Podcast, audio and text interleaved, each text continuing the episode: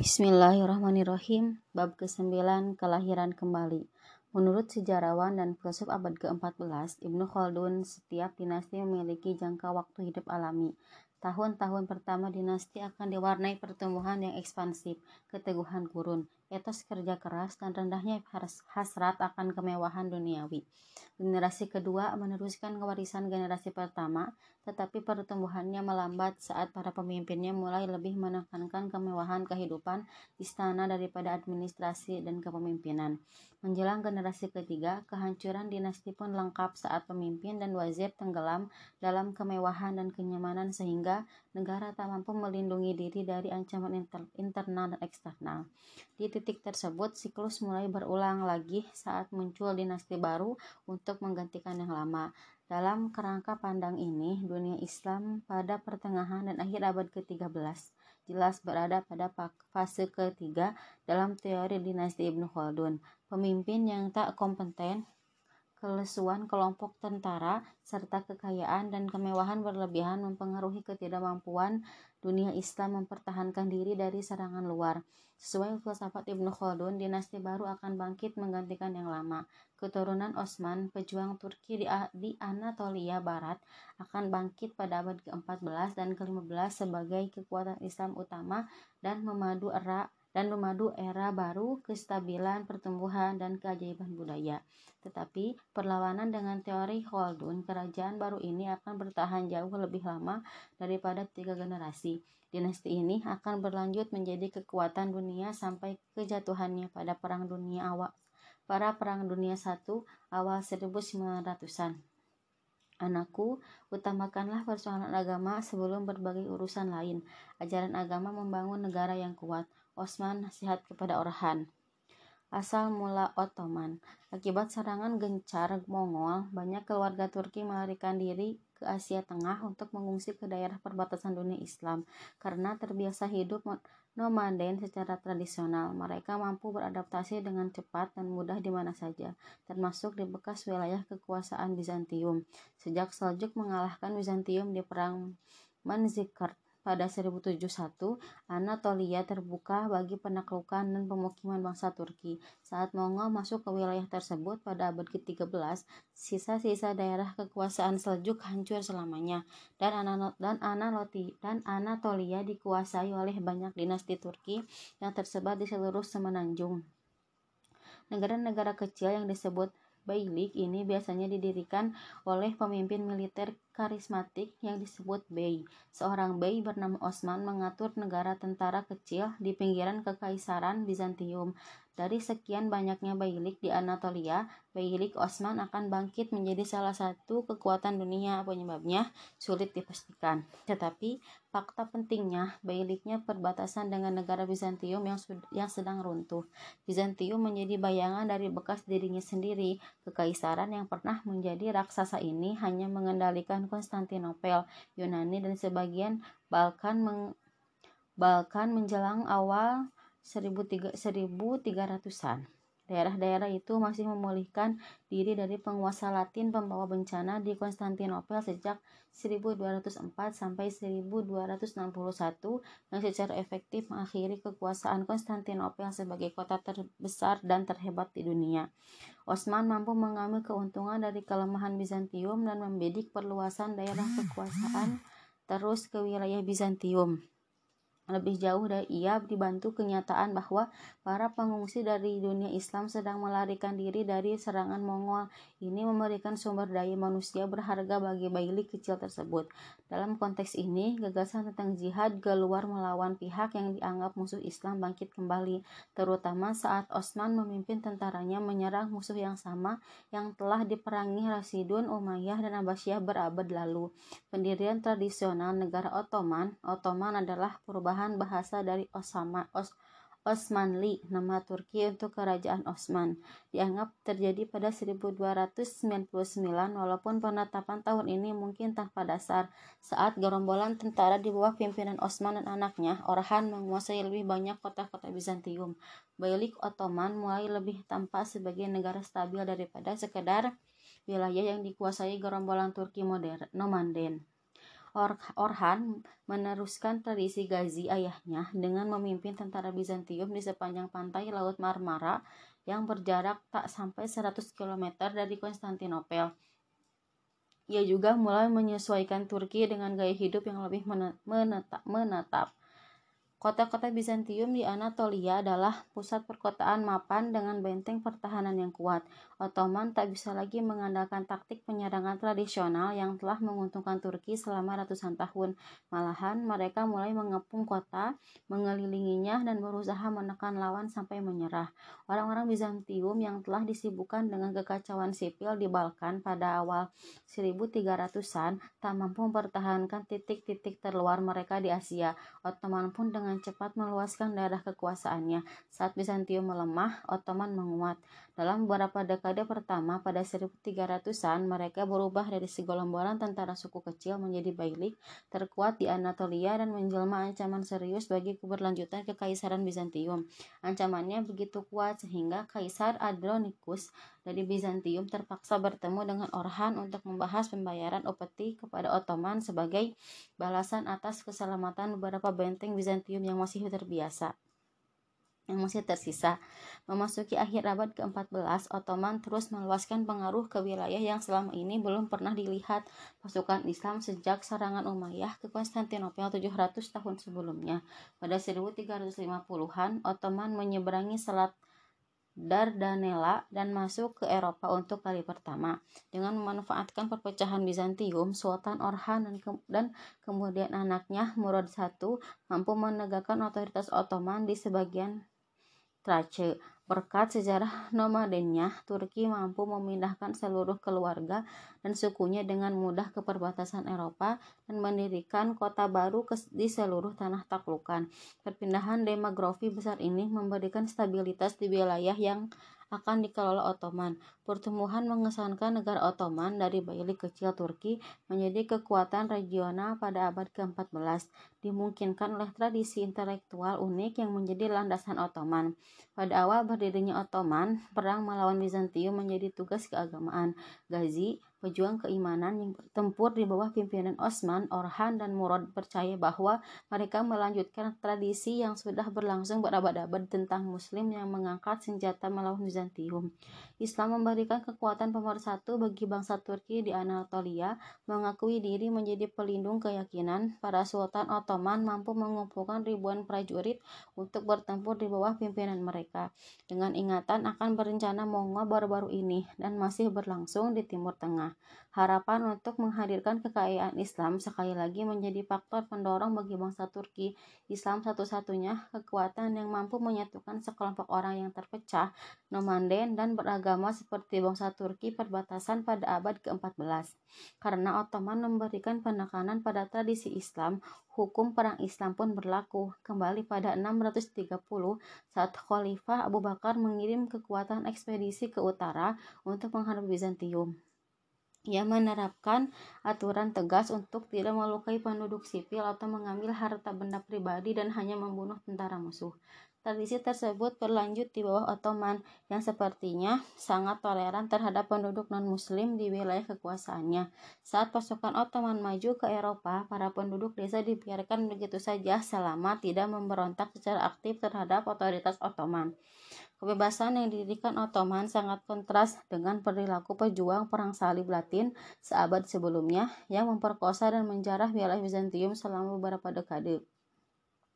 Sebagai perbandingan, Ottoman adalah penakluk yang toleran dan adil. Sementara itu, kelas bangsawan Eropa Tenggara umumnya sangat ingin mencari bantuan dari Katolik di Barat dalam menghadapi invasi Ottoman. Tetapi, masyarakat luas tidak siap menghadapi dominasi Latin di tanah mereka sekali lagi. Sepertinya mereka mendukung Ottoman dalam banyak hal setelah mendapatkan janji tentang toleransi agama, maka baik untuk tujuan praktis maupun keagamaan, kebijakan toleransi agama dari Ottoman tampaknya lebih menjadi aturan saat mereka melakukan ekspansi ke Eropa Kristen. Periode terbaik ekspansi awal Ottoman terjadi pada zaman Sultan keempat Bayezid I. Nama julukannya sebagai tentara adalah Yildirim yang berarti halilintar karena ia mampu menenggerakkan tentara bolak-balik ke Eropa dan Asia dengan cepat. Migrasi tahunan dari pasukan membuat setengah tahun dihabiskan untuk berekspansi ke Eropa Kristen sedangkan setelah tahun lagi dihabiskan di Asia melawan musuh Turki dan sebagian mengislamkan Mongol. Di Eropa, ia memperluas wilayah yang tetap di bawah kedaulatan Ottoman sampai gelombang nasionalisme Eropa mampu menyapu kekaisaran itu pada 1800-an. Ia menaklukkan Serbia, Bulgaria, dan Yunani. Untuk kali pertama, Ottoman juga menyeberangi sungai Danube masuk ke Wallachia, Konstantinopel sendiri dikepung oleh halilintar, walaupun Ottoman tak memiliki teknologi atau jumlah pasukan untuk menundukkan kota tersebut. Toh, nanti ibu kota kerajaan tersebut, Ottoman, sudah menjadi salah satu kerajaan terkuat di Eropa dan dunia Islam. Kekuatan ini menarik perhatian penguasa muslim lain yang berusaha menjadi penakluk besar berikutnya, Timur yang berusaha menjadi penakluk besar berikutnya, Timur memimpin Mongol yang menguasai Asia Tengah dan Persia berusaha mengembalikan otoritas Mongol di Andalusia dengan menghadapi ekspansi Ottoman. Walaupun seorang muslim, tindakan Timur dalam perang tak berda, tak berbeda dari nenek moyangnya yang non-muslim yang menghancurkan wilayah ini 100 tahun lalu. Ia ingin mengembalikan kekaisaran Mongol yang didirikan Genghis sehingga harus menghapuskan kerajaan antar benua Ottoman dalam perang antara Ang dalam Perang Ankara pada 1402, dua pemimpin militer besar Bayezid dan Timur berjumpa. Meskipun diperkuat tentara dari negara pasal Kristen Eropa, Ottoman kalah mutlak sang halilintar yang agung sendiri tertangkap dalam perang dan dibawa ke ibu kota kekuasaan Timur Samarkand. Sementara itu, wilayah Ottoman dibagi kepada empat anak Bayezid oleh Timur. Ia berharap mereka saling bertempur untuk mengakhiri kekaisaran Ottoman. Kopi diperkenalkan oleh Muslim Yaman kali pertama pada 1400-an. Saat kekaisaran Ottoman tumbuh hingga mencakup Jazirah Arab, kopi pun menyebar ke Istanbul dan berlanjut ke seluruh Eropa. Selama 11 tahun kemudian, Kekaisaran Ottoman mengalami perang saudara anak bayi anak Bayezid yang bernama Isa, Musa, Sulaiman, dan Mehmet membangun pasukan dan sering bentrok di Eropa serta Asia. Masing-masing berusaha menjadi pewaris tunggal kerajaan ayahnya, Ottoman Interregnum. Demikian kerajaan ini disebut menjadi contoh salah satu masalah inheren dalam dinasti. Tak pernah ada prosedur suksesi formal yang dapat dipilih oleh para sultan. Sepertinya Ottoman percaya bahwa anak yang paling mampu entah bagaimana akan bangkit dan menenangkan tahta dan memenangkan tahta setelah kematian ayahnya. Ini akan memastikan hanya yang terbaik dari dinasti tersebutlah yang menjadi sultan sehingga negara akan tetap kuat selamanya. Tetapi pada praktiknya, tradisi ini menimbulkan perang saudara yang umumnya pecah setelah kematian seorang sultan. Hal ini terus akan menjadi masalah sampai Sultan Ahmad I merumuskan kebijakan suksesi resmi pada abad ke-17. Kan tetapi pada awal 1400-an anak-anak sultan harus bertempur sampai mati. Menjelang 1413 Mehmet muncul sebagai pemenang atas saudara-saudaranya dan mampu menyatukan wilayah kerajaan di bawah kendalinya. Bagaimana cara ia menyatukannya secara militer tidak sepenting penyebab kekaisaran Ottoman mampu merekon merekon merekonstitusi diri setelah perang saudara selama 11 tahun. Alasan utamanya adalah institusi yang dibangun Ottoman di seluruh wilayah mereka pada abad ke-14 di atas segalanya, Ottoman menekankan Islam sebagai faktor pemersatu untuk membantu mengembalikan para pemimpin Turki di bawah kendali Ottoman saat Mehmet memenangi, memenangi perang saudara. Sebagai penjaga perbatasan Islam, penduduk Muslim di Anatolia dan Balkan mengandalkan Ottoman. Terbaginya kerajaan pada keempat anak mengurangi kekuasaan melawan, ke melawan kekuasaan Bizantium. Saat Mehmet muncul sebagai pemenang, Muslim di wilayah tersebut sekali lagi bersatu seperti sebelumnya, di bawah negara Islam yang melawan Bizantium di negara Kristen lainnya.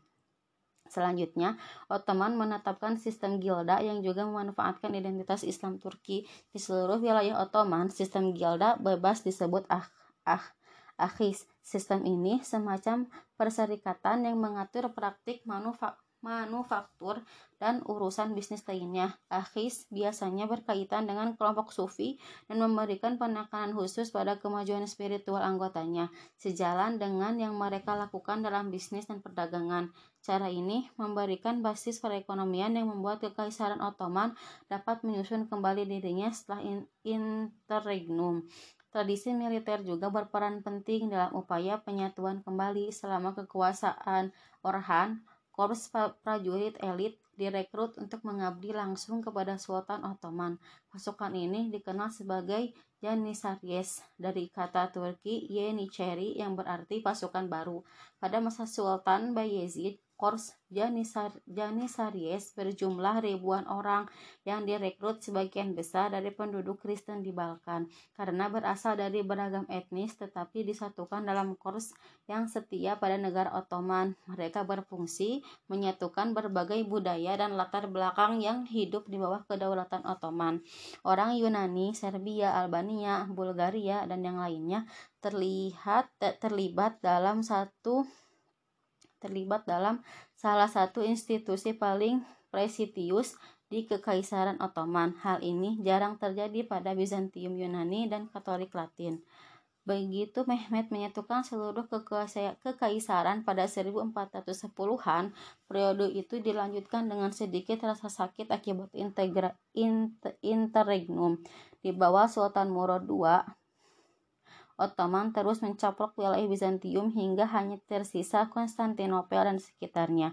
Murad mencoba merebut Konstantinopel dan menghapus sisa-sisa kekaisaran Bizantium itu, tetapi pengepungannya gagal mengalahkan benteng kota yang kuat. Tantangan untuk menjinakkan kota yang sepertinya tak tertaklukkan itu diterima anaknya, Mehmet II, yang akan tercatat dalam sejarah sebagai salah satu pemimpin militer Islam terbesar kemenangan Kekaisaran Ottoman.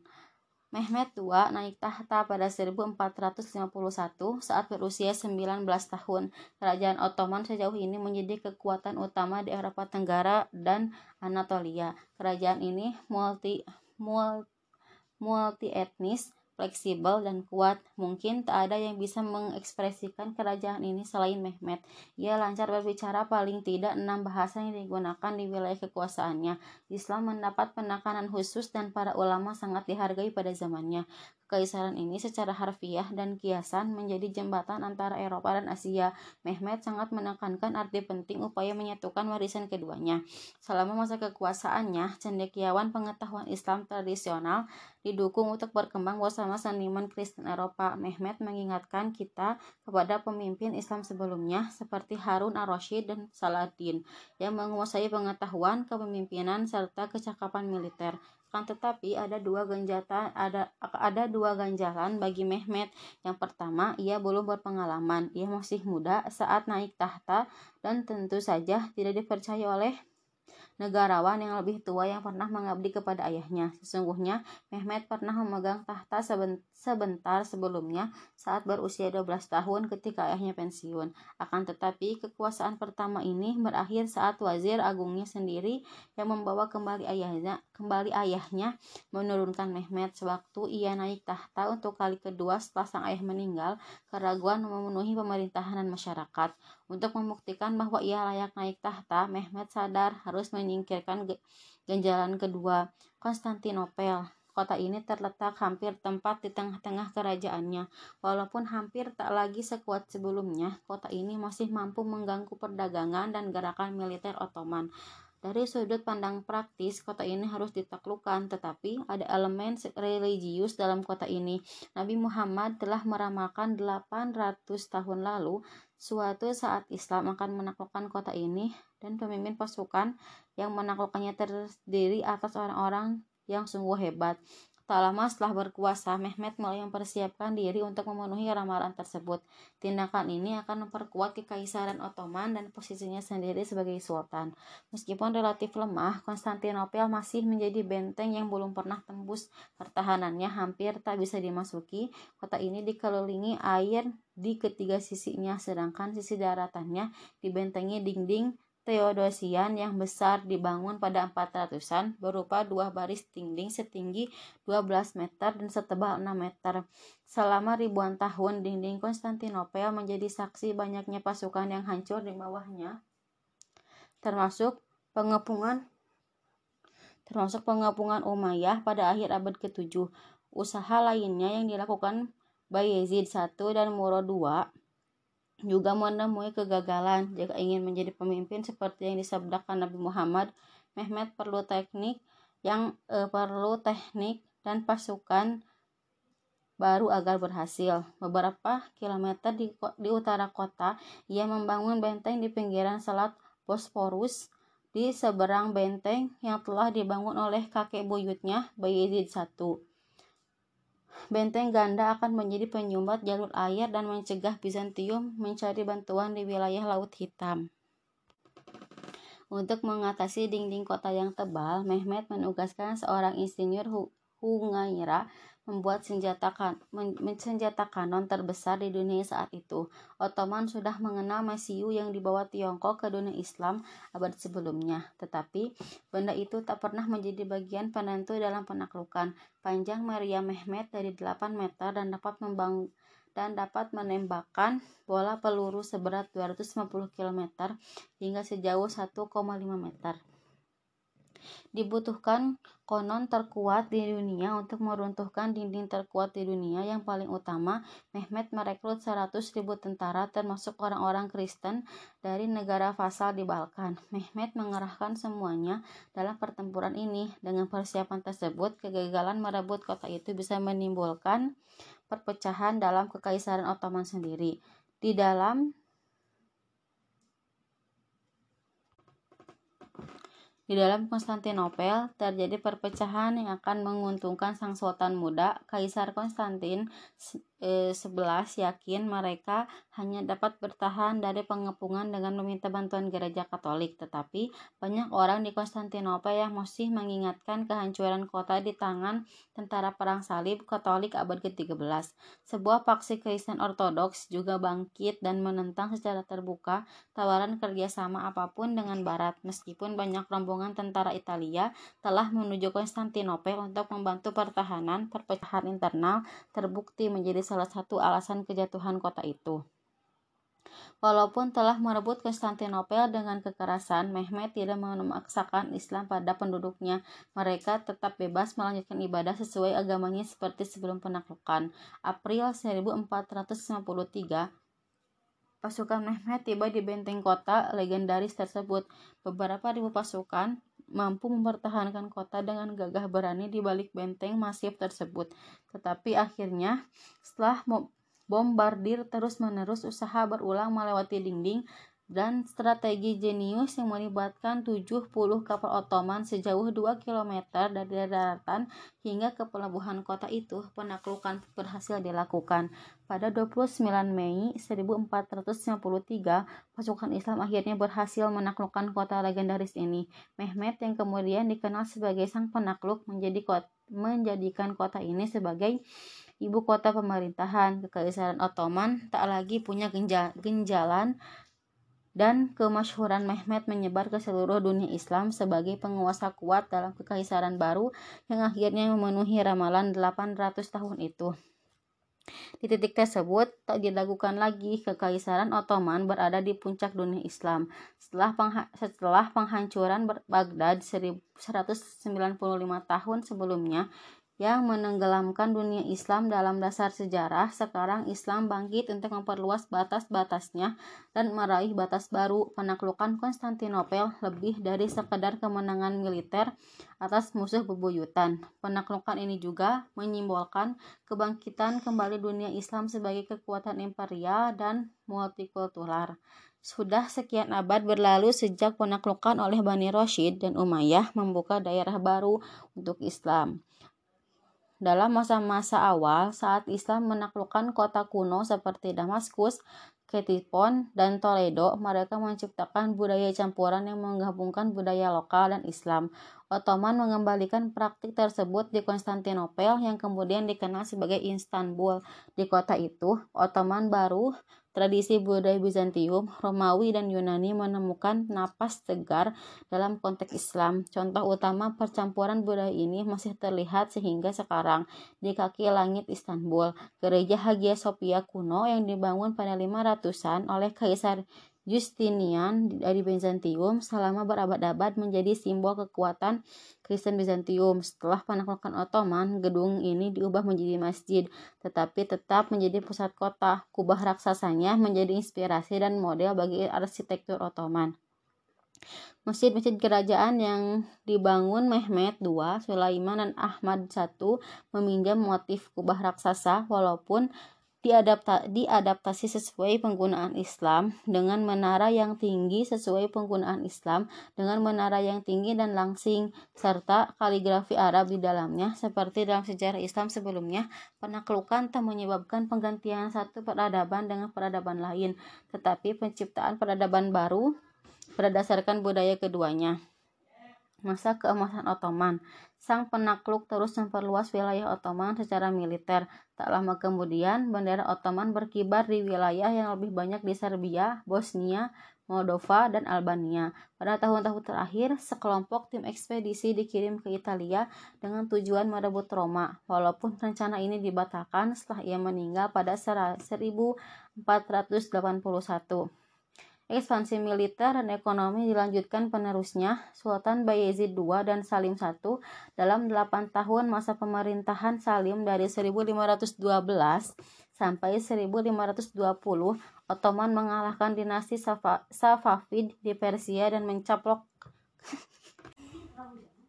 seluruh kesultanan Mamluk di Mesir jantung tradisional dunia Islam termasuk Suriah, Mesir, dan kota suci berada di bawah kendali Ottoman. Dinasti ini pun semakin mengambil peran religius.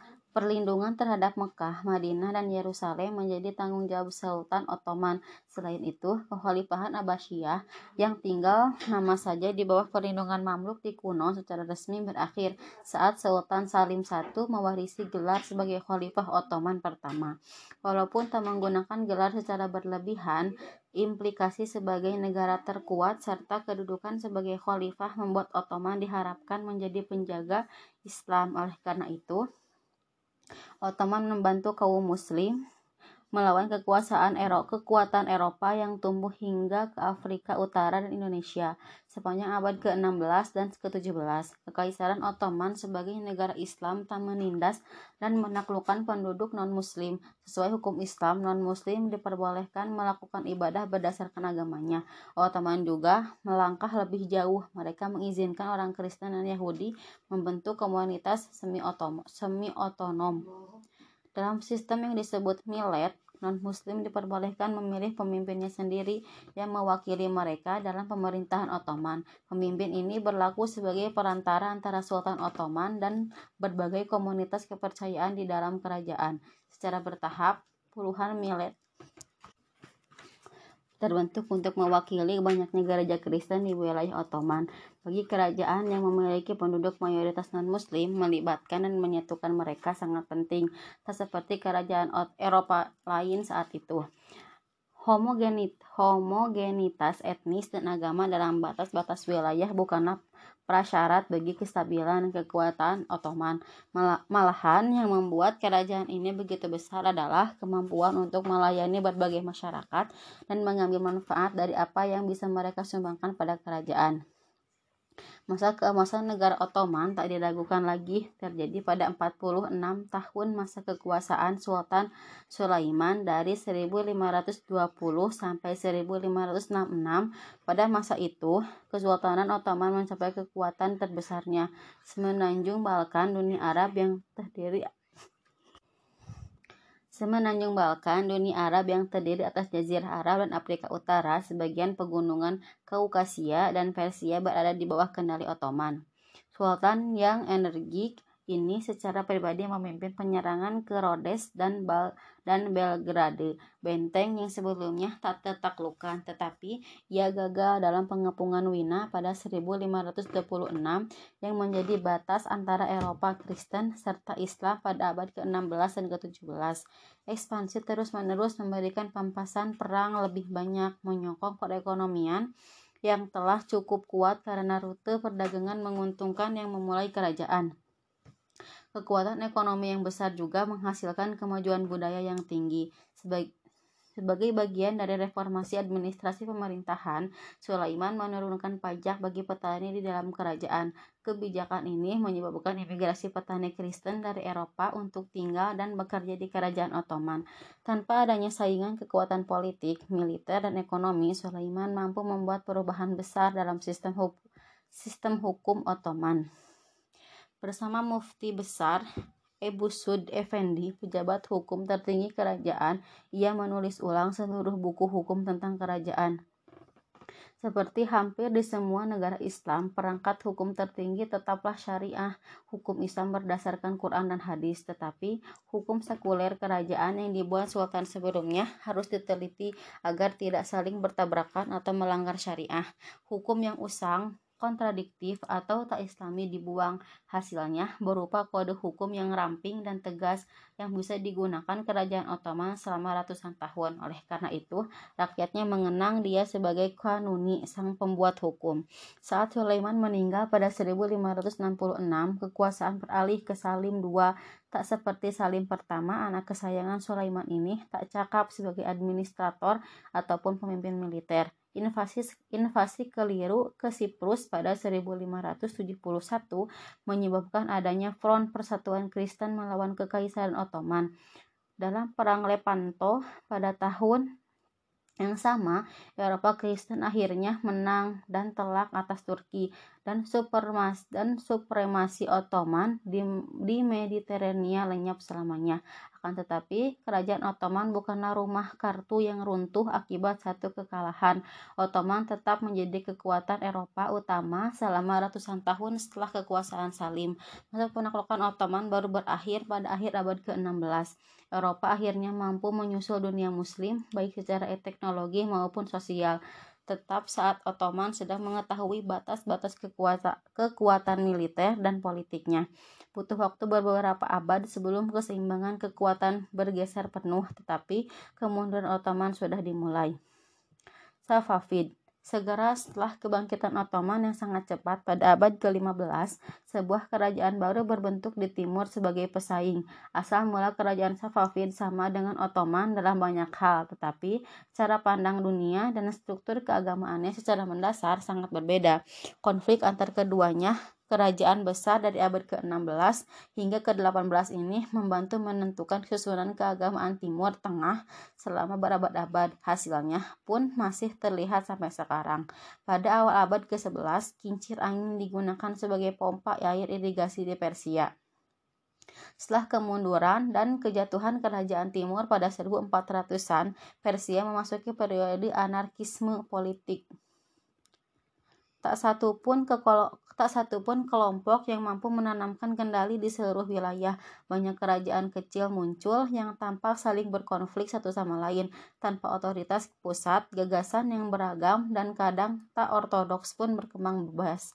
Walaupun kebagian besar masyarakat Persia tergolong Sunni sejak penaklukan pada 600-an, gerakan Syiah mulai berkembang di utara dengan dipimpin Sufi Sufi Turki yang dikenal sebagai Safavid. Golongan ini dapat ditelusuri awal asalnya pada periode kekacauan setelah invasi Mongol pada 1200-an. Seiring berjalannya waktu, golongan ini semakin mistik dibanding jalan sufi lainnya. Akhirnya, golongan ini mengadopsi aliran 12 Imam Syiah sebagai keyakinan resmi.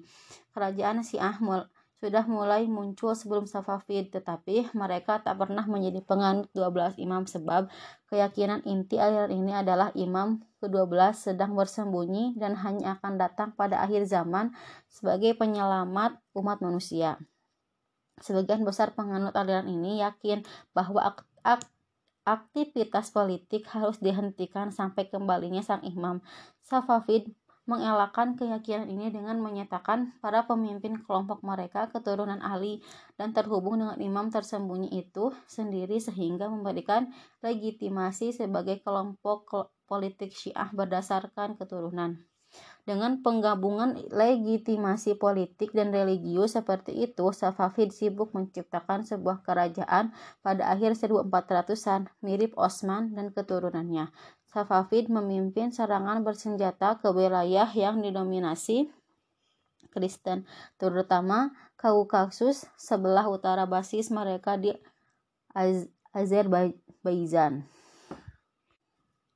Perkembangan kekuasa, kekuatan Safavid pada akhir 1400-an serta pandangan keagamaan yang heterodoks mendapatkan perlawanan dari pang, dari pangeran-pangeran Sunni di Persia. Pada 1488, pemimpin Safavid terbunuh dan kendali kelompok ini jatuh pada anak tertua berumur 2 tahun yang bernama Ismail.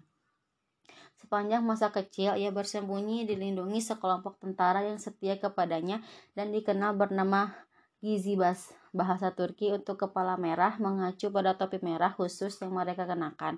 Saat Ismail akhirnya cukup umur, terbukti ia mampu menjadi komandan militer dengan memimpin Gizibas menang melawan pangeran Turki di, Az di Azerbaijan.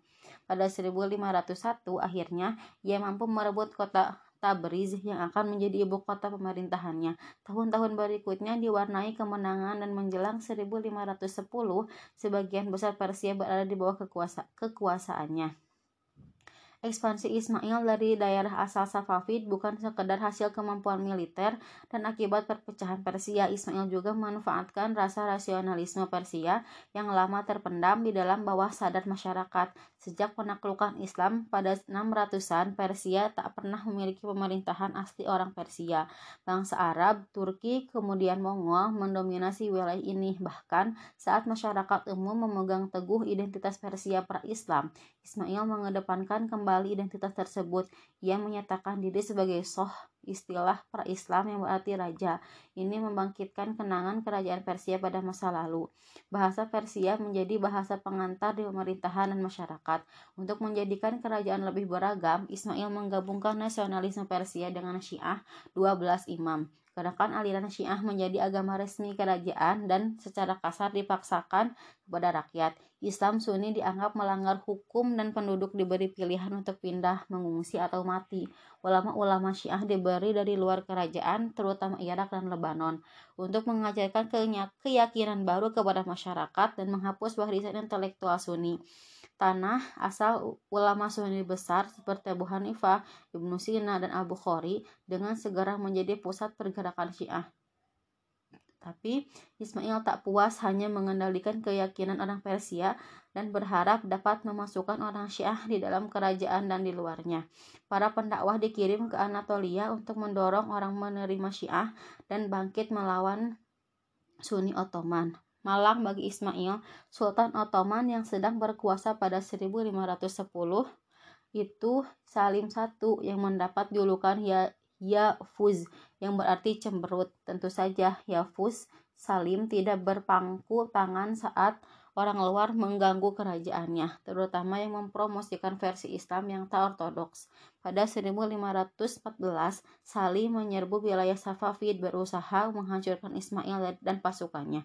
Kedua belas eh kedua belah pihak bertemu di Chaldiran dekat ibu kota Tabriz. Dalam pertempuran itu, Ottoman menggunakan meriam dan senapan melawan semangat keagamaan Safavid. Ottoman keluar sebagai pemenang, Ismail melarikan diri dengan aura supernatural yang terpancar selamanya. Diduga ia menghabiskan sisa hidup dalam depresi dan kecanduan alkohol karena tak pernah melupakan kekalahan dari kerajaan Sunni yang kuat. Walau demikian, kerajaannya tetap utuh. Salim tak mampu mencapai wilayah Safavid.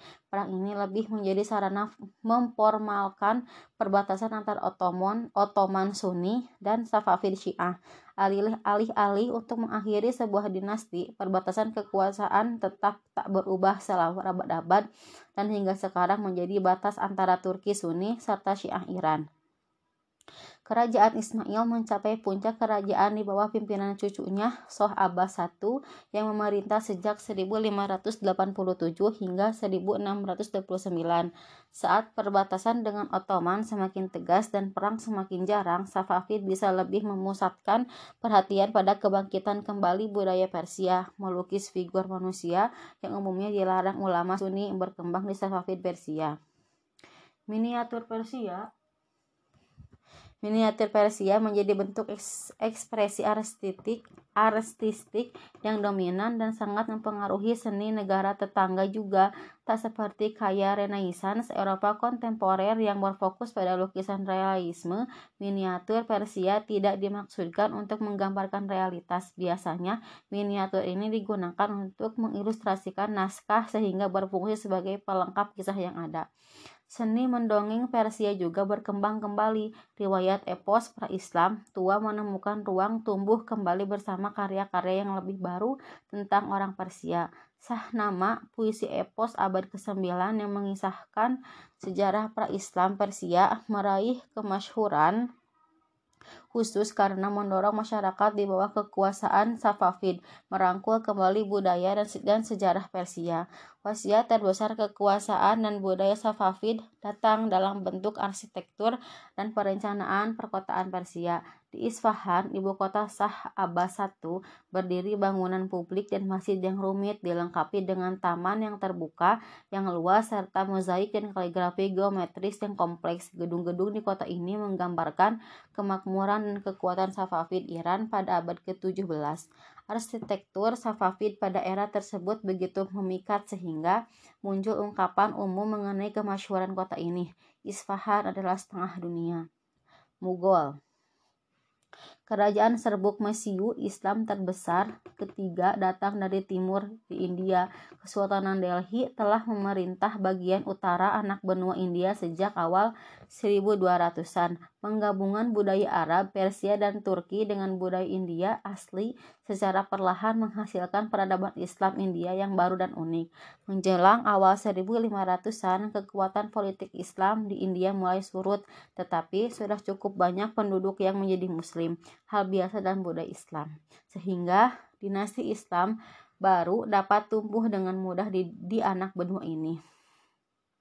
Kerajaan Mongol didirikan oleh penakluk Turki dari Asia Tengah Babur. Ia mengklaim sebagai sebagai keturunan langsung Genghis Khan dan Timur. Silsilah ini membuatnya yakin bahwa ia akan memimpin kerajaan besar, tetapi awal masa kepemimpinannya di negara kecil, sang ayah di Uzbekistan tak terlalu berhasil. Ia kehilangan kontrol atas kota utama Samarkand serta tanah nenek moyangnya di lembah Fergana, lalu dipaksa mengucilkan diri dengan sekelompok kecil pengikut. Akhirnya, ia mampu mengukuhkan diri sebagai penguasa kota Kabul di daratan tinggi Afghanistan dengan memanfaatkan perpecahan dan anarki di wilayah di wilayah tersebut.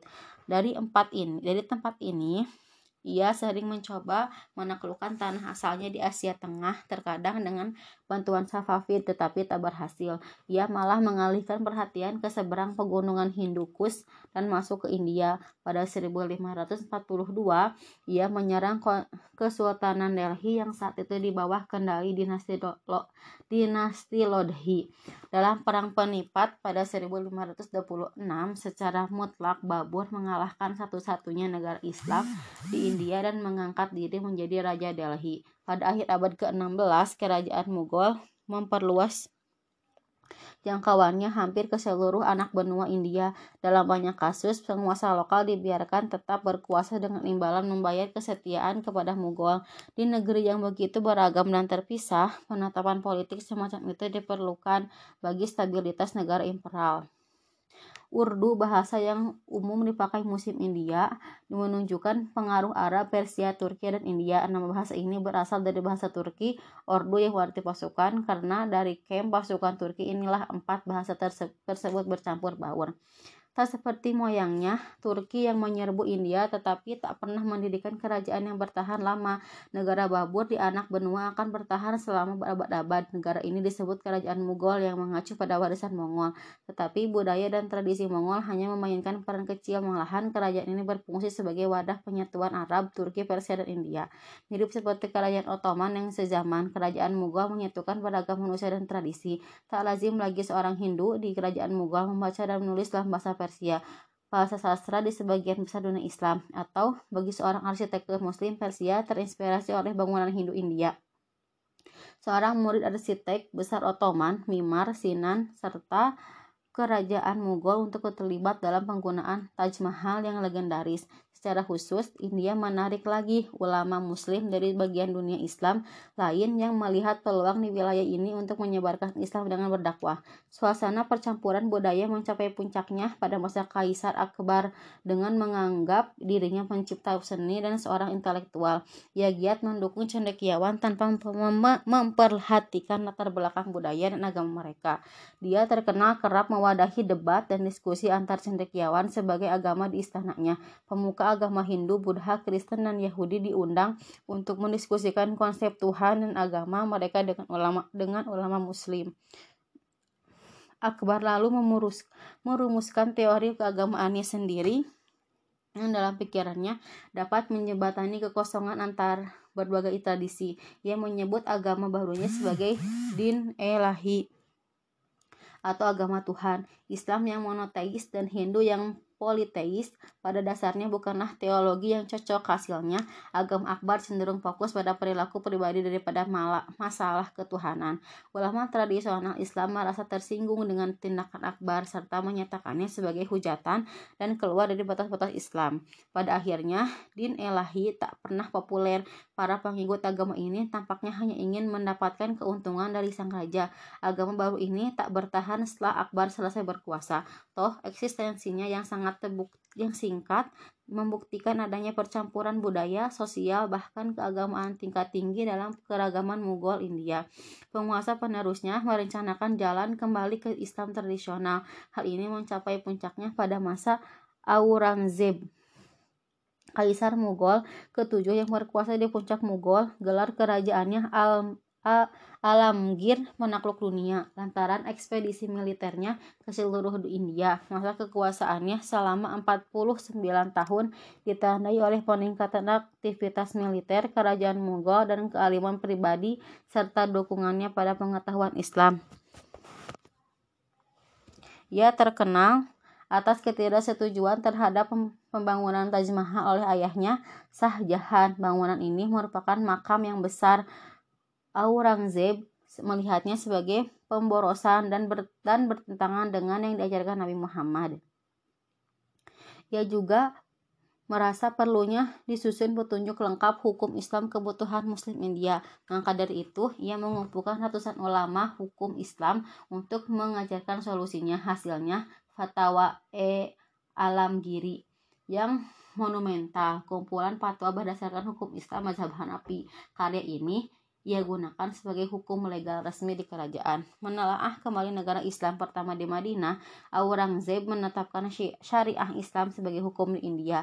Hal ini meningkatkan popularitasnya di kalangan rakyat di seluruh India yang menghapuskan pajak yang tak sesuai Islam sehingga meringankan beban finan finansial rakyatnya. Dalam hubungan dengan non-muslim, Kaisar Aurangzeb telah mencapai reputasi modern sebagai raja fanatik dan tidak toleran. Warisannya menggambarkan tanpa politik modern terhadap cara pandang seseorang memahami masa, masa lalu. Perlu diperhatikan bahwa banyak kuil Hindu di India dihancurkan selama masa pemerintahannya.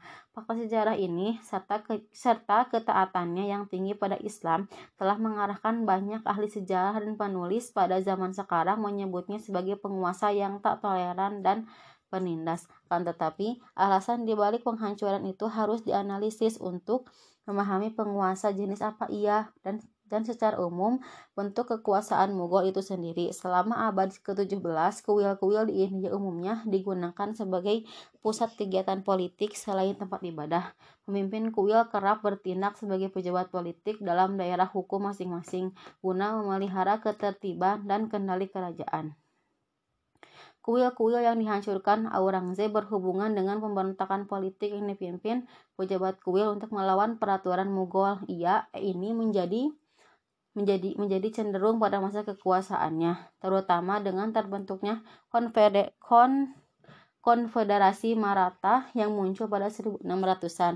Jadi dalam pandangan kerajaan Mughal abad ke-17, penghancuran kuil bukanlah penindasan keagamaan, melainkan pertahanan politik. Malahan pada masa kekuasaan Aurangzeb, banyak kuil baru yang dibangun di India dan banyak penasehat tertinggi yang yang yang orang Hindu. Salah satu bahaya penelitian sejarah yang dangkal dan harus dihindari dalam dunia yang penuh politik sekarang ini adalah membebankan konflik politik modern sebagai warisan dari tokoh-tokoh zaman dahulu. Tiga kerajaan Mesiu secara bersama-sama Ottoman, Safavi, dan Mughal dikenal sebagai kerajaan Mesiu. Mereka berkuasa dengan tatanan yang baru di dunia Islam. Lahir dari sisa invasi Mongol yang menghancurkan mereka mewakili kebangkitan kembali dunia Islam. Meskipun membentang di wilayah berbeda yang sangat luas, memiliki tujuan politik bertentangan dan perbedaan keagamaan yang mencolok, mereka memiliki inti budaya yang sama, yaitu Islam. Ini membuat mereka tampak lebih mirip, bukannya berbeda. Mereka semua menganut agama yang sama dari tanah Arab, birokrasi istana dan budaya yang mengacu pada Persia dan mengakar pada Turki. Seorang muslim mungkin bisa berpergian pada 1600-an dari semenanjung Balkan, melintasi tanah Arab menuju daratan tinggi Iran dan melintasi pegunungan Hindukus untuk masuk ke anak benua India tanpa merasa asing. Kesatuan budaya baru berbentuk terbentuk dan mengikat bagian dunia yang lebih luas daripada yang pernah dilakukan kerajaan Yunani dan Romawi kuno. Kerajaan otonom Ottoman lah yang kali pertama memanfaatkan Mesiu dan Meriam dalam skala besar, kemudian segera diikuti Safavi dan Mughal. Tingkat pencapaian ilmiah dan tekniknya tentu saja tak sebanding dengan masa keemasan ilmu pengetahuan dinasti Abbasiyah, tetapi ini menandai era terakhir superioritas Islam dibanding teknik. Begitu negara-negara Eropa lebih unggul pada akhirnya ketiga kerajaan ini kerajaan itu lenyap pada abad ke-18 dan ke-19. Yang paling signifikan bagi dunia Islam modern adalah pandangan tentang persatuan peran pan-Islam yang tampaknya tak layak lagi. Dinasti Umayyah dan Abbasiyah pernah memimpin kerajaan yang membentang dari Spanyol hingga India, tetapi model politik seperti itu tak menandai lagi kekhalifahan dipegang Ottoman, tetapi sebagian ulama hukum Islam seolah menerima ide bahwa setiap wilayah memiliki khalifah sendiri. Ada beberapa surat dari Sultan-Sultan Ottoman yang ditunjukkan kepada Raja Mughal dengan gelar khalifah. Amir al-Mukminin yang berarti pemimpin mukmin ada pula beberapa usaha dalam penyataan pan Islam yang secara simbolis. Yang penting, yang paling yang paling terkenal terjadi pada masa pemerintahan Sultan Abdul, Abdul Hamid II dari Ottoman pada akhir abad ke-19 tetapi saat kerajaan Mesiu ini bangkit kegunaan kerajaan pan Islam melesap